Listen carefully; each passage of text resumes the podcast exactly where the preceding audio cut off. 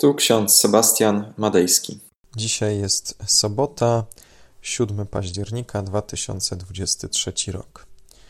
W książeczce z Biblią na co dzień znajdujemy fragmenty. Pierwszy z pierwszej księgi królewskiej, 18 rozdział, 37 werset. Eliasz modlił się: Odezwij się, panie, odpowiedz mi. A niech ten lud pozna, że ty, panie, jesteś Bogiem prawdziwym i że Ty odmienisz ich serca. Takie słowa z Ewangelii Łukasza, 22 rozdział, 32 werset. Jezus powiedział do Piotra: Prosiłem za Tobą, aby nie ustała wiara Twoja. A Ty, gdy się nawrócisz, utwierdzaj braci swoich. Drodzy, ten fragment ze Starego Testamentu przypomina nam historię o proroku Eliaszu. Naród izraelski, który został wyprowadzony z Egiptu, osiadł w końcu do ziemi obiecanej, ale szybko zapomniał o Bogu. Zaczęli modlić się do różnych bożków z kamienia, z drewna. Do tych samych modlili się też mieszkańcy tych ziem.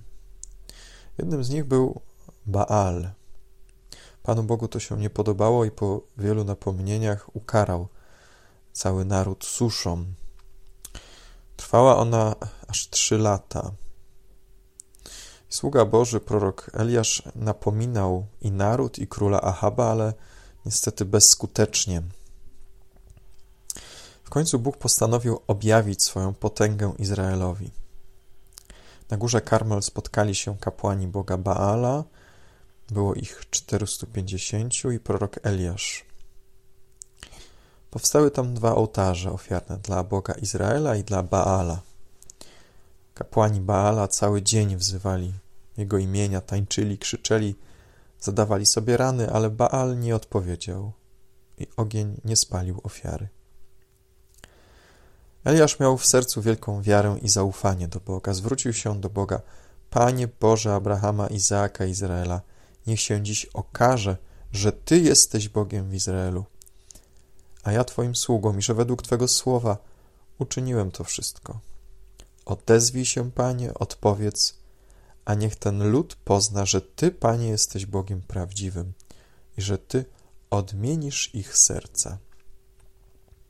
Czyli te słowa, które są podstawą dzisiejszego rozważania, to są naprawdę słowa modlitwy Eliasza o lud o lud, który odstąpił od swojego Boga, o lud, który zapomniał o Bogu, o lud, który tak bardzo odwrócił się od Boga, że zaczął składać ofiary innym Bogom.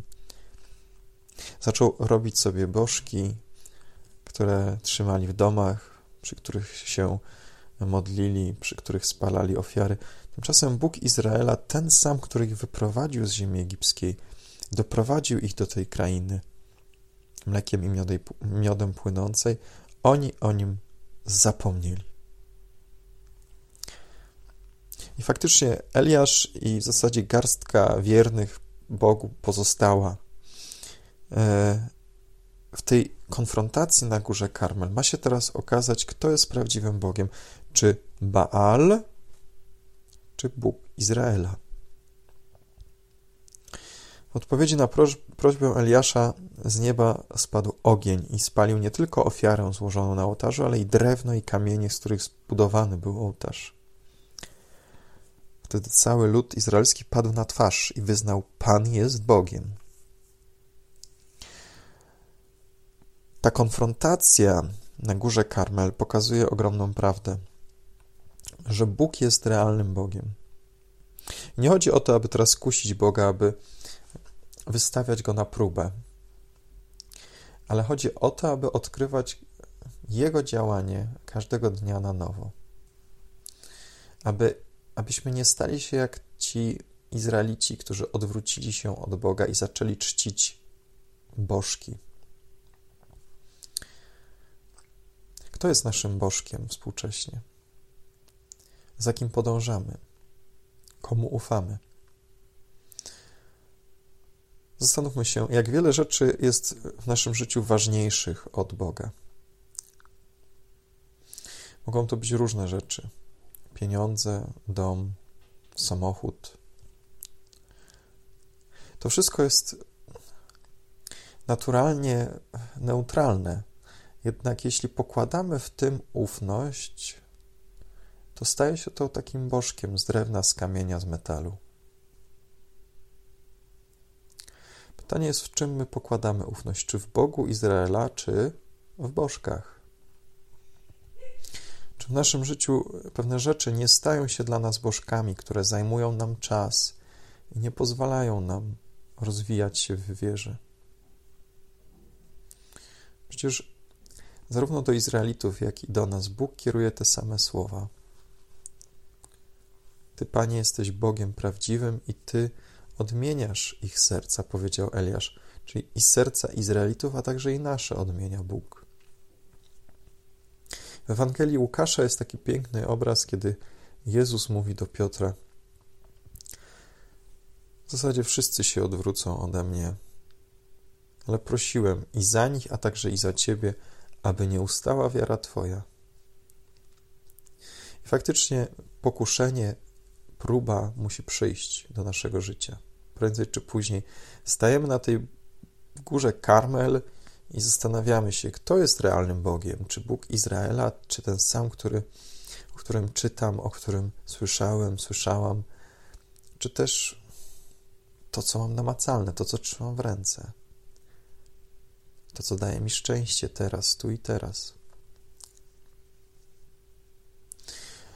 I takie jest wezwanie Jezusa do Piotra, a gdy się nawrócisz, utwierdzaj braci swoich, czyli Piotr już w tym momencie jest postawiony przed sytuacją, gdzie musi sobie zdać sprawę z tego, że mimo, że teraz nie ma wątpliwości, mimo, że ufa Chrystusowi, to Chrystus mu objawia pewną tajemnicę, że przyjdzie taki czas, kiedy Piotr zwątpi. Ale zarazem też się nawróci ponownie. Wtedy jest zadanie dla niego skierowane: utwierdzaj braci swoich. Zastanówmy się, czy w naszym życiu e, nie zdarza nam się czcić bożków, jakichś przedmiotów, rzeczy, które dają nam szczęście, pokój, a które są tymczasowe.